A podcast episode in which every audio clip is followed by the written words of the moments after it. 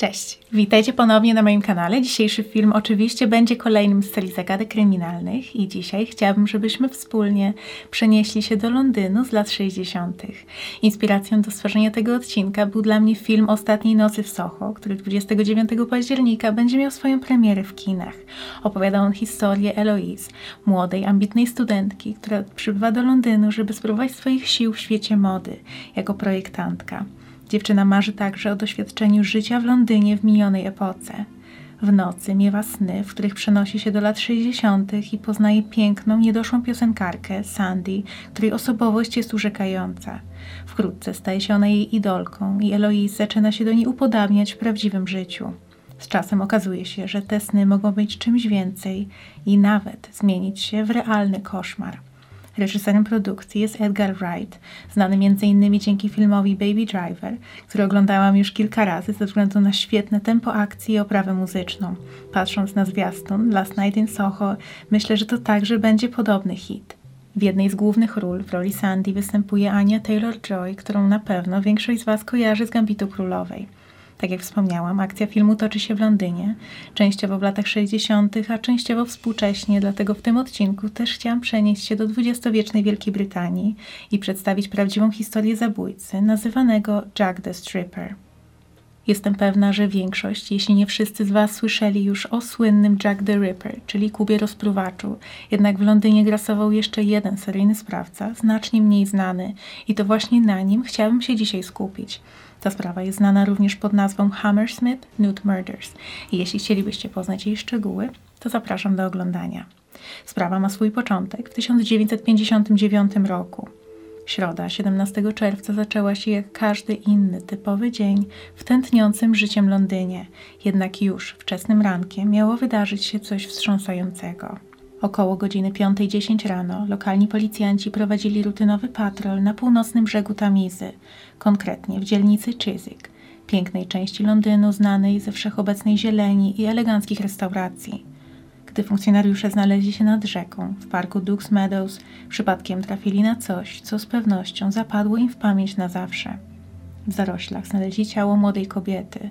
Znajdowała się w pozycji półsiedzącej, oparta o drzewo. Od razu podejrzewali, że mogła trudnić się prostytucją. Park był bardzo częstym miejscem schadzek zakochanych, ale także miejscem, do którego pani do towarzystwa zabierały swoich klientów. Nie miała przy sobie żadnych dokumentów ani rzeczy osobistych. Wielokrotnie w odcinkach z tej serii mówiłam już o sprawach osób NN i bardzo często właśnie tak się one zaczynały, jednak w tym przypadku miało być inaczej. Na szczęście, jeśli w ogóle w tej sprawie można mówić o jakimkolwiek szczęściu, dziewczyna nie musiała czekać długo na odzyskanie tożsamości. Po umieszczeniu jej zdjęć w prasie z policją skontaktowała się jej rodzina i okazało się, że dziewczyna nazywała się Elizabeth Figg. Pochodziła z Bevington w Cheshire i miała zaledwie 21 lat. Urodziła się 24 marca 1938 roku. Była także znana pod innym imieniem Anne Phillips i to właśnie pod nim została kiedyś aresztowana. Patologowi udało się ustalić, że Elizabeth została zaatakowana około drugiej w nocy 17 czerwca, a przyczyną zgonu było uduszenie. Dziewczyna nie miała na sobie bielizny ani butów, a jej sukienka została rozdarta. Po ustaleniu tożsamości dziewczyny okazało się, że faktycznie zajmowała się prostytucją. Została wyrzucona z domu przez matkę i musiała radzić sobie sama. Zaczęła zadawać się z niewłaściwym towarzystwem i zarabiała, dotrzymując towarzystwa mężczyznom. W miarę rozwoju śledztwa na jaw wyszło, że w ostatnim czasie Fig spotykała się z Fentonem Wardem, znanym policji Alfonsem z wybuchowym temperamentem. Mężczyzna od razu trafił na szczyt listy podejrzanych. Zakładano, że to właśnie on stoi za krzywdą partnerki, jednak po przesłuchaniu okazało się, że Ward ma mocne alibi. Ustalenie faktycznego sprawcy miało okazać się ogromnym wyzwaniem. Przeszukanie okolicy, w tym korytarze, jakie nie przyniosło upragnionych rezultatów. Policji nie udało się nawet znaleźć reszty garderoby dziewczyny, w tym jej bielizny, białej torebki oraz czarnych szpilek. Podejrzewano, że mogła zdjąć je i zostawić w samochodzie klienta, zanim została zaatakowana. W okolicy nie znaleziono także żadnych śladów mogących doprowadzić do sprawcy. Dodatkowo, ze względu na późną porę oraz nie najlepszą reputację tego miejsca w okolicy nie było wtedy wielu świadków. Tylko jeden z mieszkańców zeznał, że około północy słyszał kobiecy krzyk, jednak nie wyszedł, żeby sprawdzić, skąd dochodził i jaka była jego przyczyna. Dodatkowo jeszcze kilka osób wspomniało, że mniej więcej w tym czasie, gdy doszło do zbrodni, widzieli w okolicy samochód. Jednak nie było pewności, czy faktycznie należał do kogoś, kto był zamieszany w tę sprawę, a nawet jeśli, to żaden świadek nie był w stanie podać wystarczająco szczegółów, żeby móc namierzyć to auto. Ze względu na brak poszlak sprawa ucichła, a sprawca pozostał na wolności. W 1963 roku od śmierci Elizabeth minęły 4 lata, a na policję spłynęło kolejne zgłoszenie o tragedii ze zbliżonymi okolicznościami. Tym razem chodziło o ciało młodej kobiety zakopane w bardzo płytkim grobie. Została znaleziona 9 listopada w okolicy Mortlake, położonej na południowym brzegu Tamizy, 13 km od centrum Londynu. Kobieta była prawie zupełnie naga, miała na sobie tylko jedną pończochę. Najprawdopodobniej przyczyną zgonu było uduszenie, choć patolog nie był w stanie stwierdzić tego ze stuprocentową pewnością. Ponownie dzięki zdjęciom w gazetach ustalono tożsamość dziewczyny. Nazywała się Gwyneth Rees. Miała 22 lata i pochodziła z Walii. Miejsce znalezienia Gwyneth znajdowało się nieco ponad półtora kilometra od parku, w którym cztery lata wcześniej znaleziono Elizabeth Figg, ale po drugiej stronie Tamizy. Początkowo sprawy nie były ze sobą łączone i warto zaznaczyć, że do dziś nie jest w 100% pewne, czy faktycznie są ze sobą powiązane, choć oficjalnie, na podstawie wielu czynników, przyjmuje się, że tak. Okoliczności obu spraw były podobne, tak samo profile ofiar. Były to młode kobiety pracujące w Londynie jako prostytutki. Gwyneth wyjechała z rodzinnej Walii do Anglii z nadzieją, że w Londynie uda jej się zrobić karierę. W jej przypadku, tak samo jak w sprawie Elizabeth, początkowo podejrzewano Alfonsa, koniego Whiteheada, który zdaniem jego znajomych bywał agresywny i należał do gangu. Ostatecznie jednak nie udało się znaleźć żadnych bezpośrednich dowodów łączących go ze zbrodnią i sprawa pozostała nierozwiązana. Choć obie te sprawy były wyjątkowo tragiczne, to niestety ze względu na klimat tamtych czasów przez wiele osób były bagatelizowane. Sądzono, że stanowi to tylko pewną przestrogę dla pań lekkich obyczajów pracujących w mieście. Takie przeświadczenie mieli nie tylko mieszkańcy, ale także niektórzy policjanci, co jest bardzo przykre, ponieważ akurat policjanci powinni podchodzić do każdej sprawy tak samo i zapominając o własnych uprzedzeniach. Faktycznie jednak zawód prostytutki był uważany za niegodny i niosący za sobą ryzyko, z którym zdaniem wielu kobiety same powinny się liczyć, jednak już wkrótce miała nastąpić seria wydarzeń, których nikt nie mógł zbagatelizować. Zaczęło się 2 lutego 1964 roku na zachód od Hammersmith Bridge, mostu przecinającego Tamizę w zachodnim Londynie. W wodzie znaleziono kolejne ciało, tym razem należące do 30-letniej Hany Tailford. Historia jej życia brzmiała bardzo znajomo. Od najmłodszych lat dziewczyna sprawiała problemy wychowawcze i jako nastolatka postanowiła przeprowadzić się sama do Londynu z północy Wysp Brytyjskich, gdzie dorastała. Warto jednak w tym miejscu wspomnieć, że z tego co wiadomo, Hanna nie była zwykłą panią do towarzystwa. Krążyły plotki, że miała kontakty z londyńską elitą, taką, która brała udział w niemoralnych i gorszących imprezach, takich, na których wszyscy próbują ukrywać swoją tożsamość za maskami. Patolog miał utrudnione zadanie przy badaniu Hany, ponieważ kobieta przez kilka dni znajdowała się w wodzie. Udało się jednak ostalić, że ostatni raz miała kontakt ze swoimi bliskimi 24 stycznia 1964 roku. Gdy została znaleziona, miała na sobie jedynie pończochy i brakowało jej kilku zębów. Coś, co można było zauważyć również u Gwyneth Rees, choć jeszcze wtedy patolog nie zwrócił na to szczególnej uwagi. Oficjalną przyczyną zgonu było utonięcie, choć miała również na szyi ślady duszenia. Mogła więc zostać podduszona i następnie wrzucona do rzeki. Tym razem podobieństwa ze zbrodnią sprzed kilku miesięcy nie mogły umknąć śledczym i wszystko wskazywało na to, że w mieście grasuje seryjny sprawca.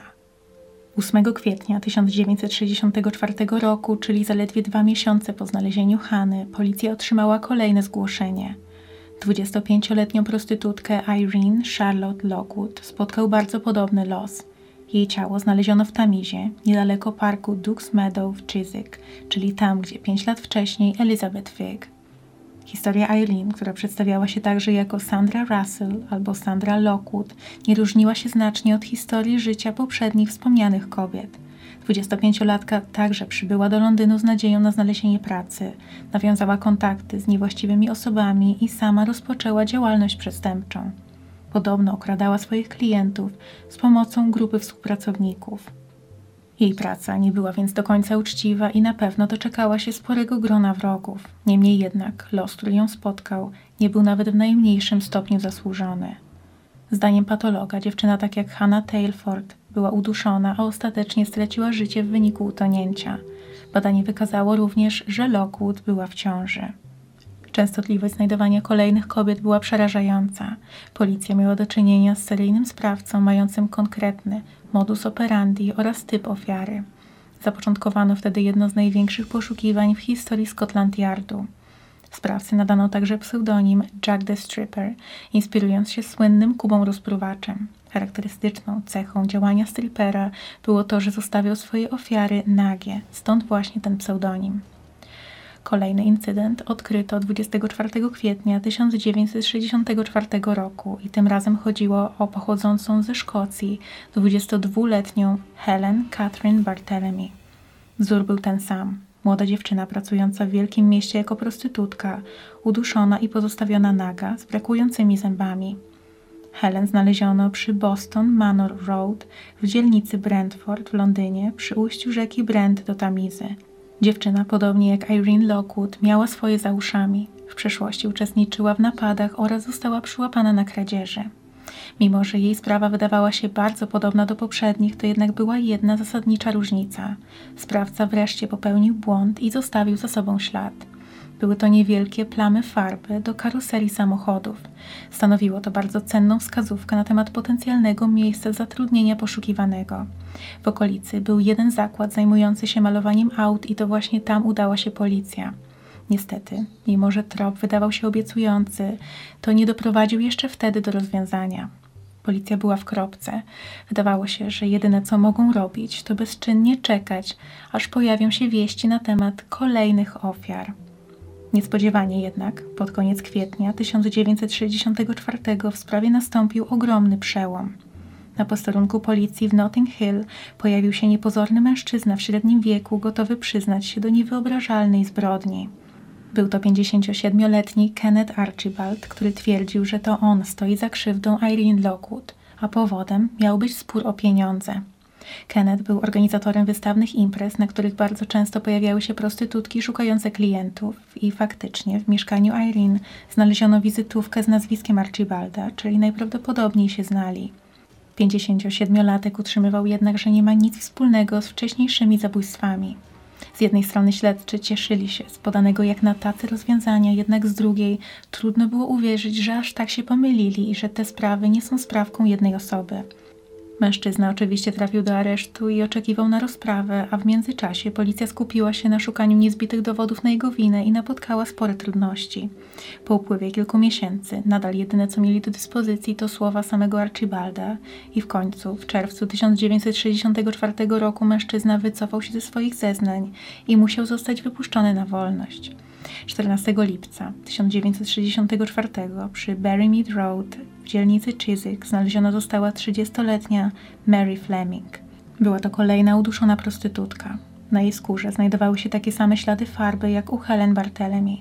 Było oczywiste, że ktokolwiek stał za tymi zbrodniami jedynie się rozkręcał, dlatego policja musiała podjąć bardziej radykalne kroki. Wystosowano wtedy oficjalny apel skierowany do prostytutek pracujących w Londynie z ostrzeżeniem o grasującym napastniku, prośbą o zgłaszanie się z potencjalnie istotnymi informacjami oraz obietnicą anonimowości i niewyciągania konsekwencji za nielegalną prostytucję. Apelowano też do mieszkańców, żeby zwracali uwagę na podejrzane samochody, a na ulicę wysłano policjantki, żeby udawały prostytutki i wypatrywały podejrzanych klientów. W sprawie Mary jedyną poszlaką oprócz śladów farby były zeznania świadka, który twierdził, że z tej uliczki, w której dziewczyna została znaleziona, chwilę wcześniej wyjeżdżał samochód. Na podstawie tego przypadku można było także zauważyć pewną subtelną, choć bardzo znaczącą różnicę w modus operandi sprawcy. Zapewne zdawał sobie sprawę z tego, że okolice Tamizy są bacznie monitorowane przez policję, dlatego zaczął atakować także w innych dzielnicach, oraz miejsca, które wybierał, nie były już tak ukryte i ciche. Uliczka, w której znaleziono Mary, była bardzo często odwiedzana, nawet nocą, przez mieszkańców oraz policję. Mogło to oznaczać, że Jack the Stripper stał się bardziej zuchwały i czuł się nieuchwytny. Bardzo często tak właśnie bywa w przypadku seryjnych sprawców, że przestaje wystarczać im ta adrenalina, którą czują popełniając zbrodnie i potrzebują także rozgłosu oraz zabawy w kotka i myszkę z policją. Mimo ogólnokrajowego poruszenia i wzmożonej uwagi wśród mieszkańców Londynu, zabójca znowu zaatakował. Tym razem pod koniec października 1964 roku. 21-letnia Frances Brown, która posługiwała się wieloma różnymi imionami, w tym Frances Quinn, Margaret McGowan, Anne Sutherland albo Susan Edwards, w piątkową noc 23 października 1964 wybrała się na miasto z przyjaciółką. Obie pracowały jako kobiety do towarzystwa i podobno nawet między sobą żartowały, że mogą stać się kolejnymi ofiarami strippera. Frances ostatni raz była widziana, gdy wsiadała do samochodu klienta. Przez kolejny miesiąc wydawało się, jakby rozpłynęła się w powietrzu. Dopiero 25 listopada okazało się, że jej żarty stały się złowrogą przepowiednią i faktycznie stała się kolejnym celem. 21-latka pochodziła z Glasgow w Szkocji i podobnie jak poprzednie ofiary przyjechała do Londynu, żeby rozpocząć samodzielne życie. Znaleziono ją uduszoną na parkingu przy Horton Street w Kensington. Jest to jedna z ekskluzywnych dzielnic Londynu i częste miejsce odwiedzane przez turystów, przez co nawet w nocy można tam spotkać wiele osób. Potwierdziły się więc podejrzenia policji, że sprawca staje się coraz bardziej arogancki. Zwiększał się także dystans od Tamizy, czyli pierwotnego miejsca, w którym grasował Jack the Stripper, przez co jego kolejne kroki były jeszcze trudniejsze do przewidzenia. Z drugiej strony jednak Frances była pierwszą ofiarą, której potencjalne spotkanie z późniejszym napastnikiem miało miejsce przy świadku. Oczywiście nie było gwarancji, że to ten konkretny klient stał za jej krzywdą, jednak koleżanka Francis była w stanie pomóc policji w stworzeniu portretu pamięciowego i pokładano ogromne nadzieje w tej nowej poszlace. Kobieta zapamiętała także, jakim samochodem poruszał się mężczyzna. Był to szary Ford Zephyr. Wkrótce ten portret stał się symbolem tej sprawy i pojawił się we wszystkich gazetach. Mimo jednak, że pokładano w tym ogromne nadzieje, nazwisko mężczyzny po kilku miesiącach nadal nie było znane. 16 lutego znaleziono ciało ostatniej domniemanej ofiary strippera, 27-letniej Irlandki Bridget O'Hary. Znajdowało się na tyłach magazynu Heron Trading Estate w londyńskiej dzielnicy Acton. Podobnie jak Frances, Bridget zaginęła miesiąc przed tym, jak została znaleziona. Była naga, a przyczyną zgonu było uduszenie. Brakowało także u niej kilku zębów, a na miejscu zabezpieczono ślady farby. Lokalizacja ciała dostarczyła nową, bardzo ważną poszlakę.